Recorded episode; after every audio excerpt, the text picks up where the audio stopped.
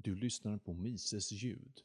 Idag avhandlas artikeln “Kan arbetsgivare på en fri marknad anställa vem som helst?”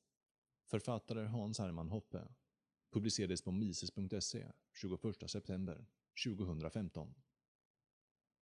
Det är felaktigt att dra slutsatsen att en invandrares närvaro på ett givet territorium är att anse som inbjuden, bara för att han har hittat någon som är villig att anställa honom. Strikt talat är denna slutsats endast sann om arbetsgivaren även tar på sig de fulla kostnader som följer av importen av den invandrade arbetaren. Detta är fallet i de mycket avskydda fabriksstäderna, som ägs och drivs av en ägare. I dessa betalas alla kostnader för den invandrade arbetarens anställning, bostad, sjukvård och alla andra bekvämligheter som associeras med hans närvaro av ägaren själv. Ingen annan egendom påverkas av den invandrade arbetarens bosättning. Mindre perfekt än detta, och mindre och mindre med tiden, har denna fullkostnadsprincip förverkligats i den schweiziska invandringspolitiken. I Schweiz bestäms frågor som rör invandring på en lokal snarare än en federal nivå av det lokala bosatta samhället dit den invandrande arbetaren vill flytta. Dessa ägare är intresserade av att hans närvaro i deras samhälle ökar, snarare än minskar, deras egendomsvärden. På attraktiva platser i Schweiz betyder detta vanligtvis att han, eller hans arbetsgivare, förväntas köpa sig in i samhället, vilket ofta kräver donationer på miljontals dollar. Tyvärr drivs inte välfärdsstater på samma sätt som fabriksstäder eller ens schweiziska samhällen. Under välfärdsstaten behöver den invandrade arbetaren endast betala en liten del av de totala kostnader som hans närvaro innebär. Han tillåts socialisera en stor del av sådana kostnader till andra egendomsägare.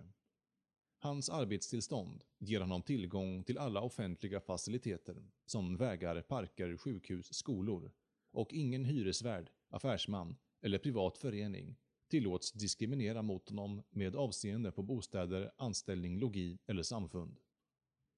Han bjuds alltså in till ett avsevärt perifert förmånspaket som inte alls, eller endast delvis, betalas av arbetsgivaren som påstås ha bjudit in honom. Utan av andra inhemska skattebetalande ägare som inte har haft något alls att säga till om. Detta är inte en inbjudan i vanlig mening. Detta är något påtvingat. Det är som att bjuda in folk att fixa ens eget hus, medan man ger dem mat från andra människors kylskåp. Eftersom kostnaden att importera invandrande arbetare minskar, kommer följaktligen flera arbetsgivarsponsrande invandrare att ankomma än vad som annars hade varit fallet. Dessutom kommer även de invandrande arbetarnas karaktär att förändras. Medan schweiziska samhällen väljer välbärgade, mer värdeproduktiva invandrare vars närvaro ökar de gemensamma egendomsvärdena, tillåts arbetsgivare under den demokratiska välfärdsstaten att socialisera sina arbetsgivarkostnader till andra och det tenderar att importera allt billigare, lägre utbildade och mindre värdeproduktiva invandrare, oavsett vad de har för effekt på de gemensamma egendomsvärdena. Vänsterlibertarianernas teoretiskt bankrutta ställningstagande till fördel för öppna gränser kan endast förstås psykologiskt. En orsak återfinns i många vänsterlibertarianers randianska uppväxt. De stora affärsmännen framställs som hjältar och ses enligt Ayn Rand, i ett av hennes absoluta mest löjliga påståenden, som välfärdsstatens allra värst förföljda minoritet. Sett ur denna synpunkt, och utan att ha påverkats av varken historisk kunskap eller erfarenhet, hur kan det vara ett problem om en affärsman anställer en invandrande arbetare?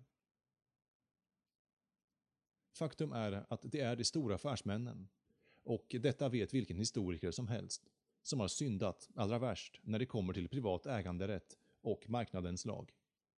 Bland annat har de, i en ohelig allians med centralstaten, tilldelas privilegiet att importera invandrande arbetare på andra människors bekostnad.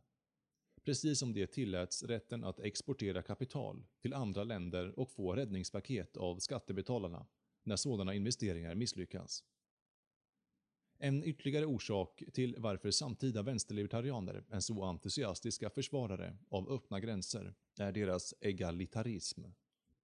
I ungdomen lockades de ursprungligen till libertarianismen på grund av dess anti-auktoritära hållning. Lita inte på någon auktoritet. Och synbara tolerans, särskilt av alternativa, icke-borgerliga livsstilar. Som vuxna har de fastnat i denna mentala utvecklingsfas. De uttrycker sensitivitet inför alla former av diskriminering och tvekar inte att använda centralstatens makt för att tvinga fram icke-diskriminering eller mänskliga rättigheter.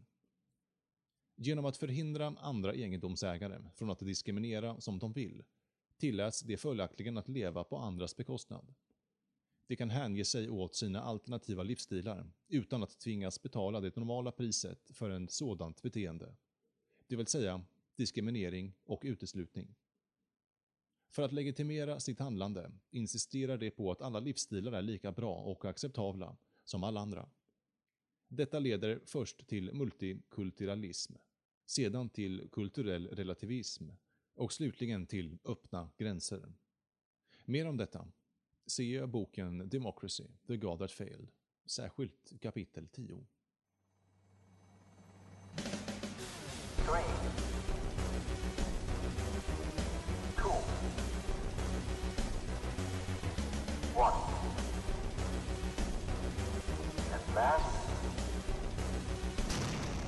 Don't put your trust in politics.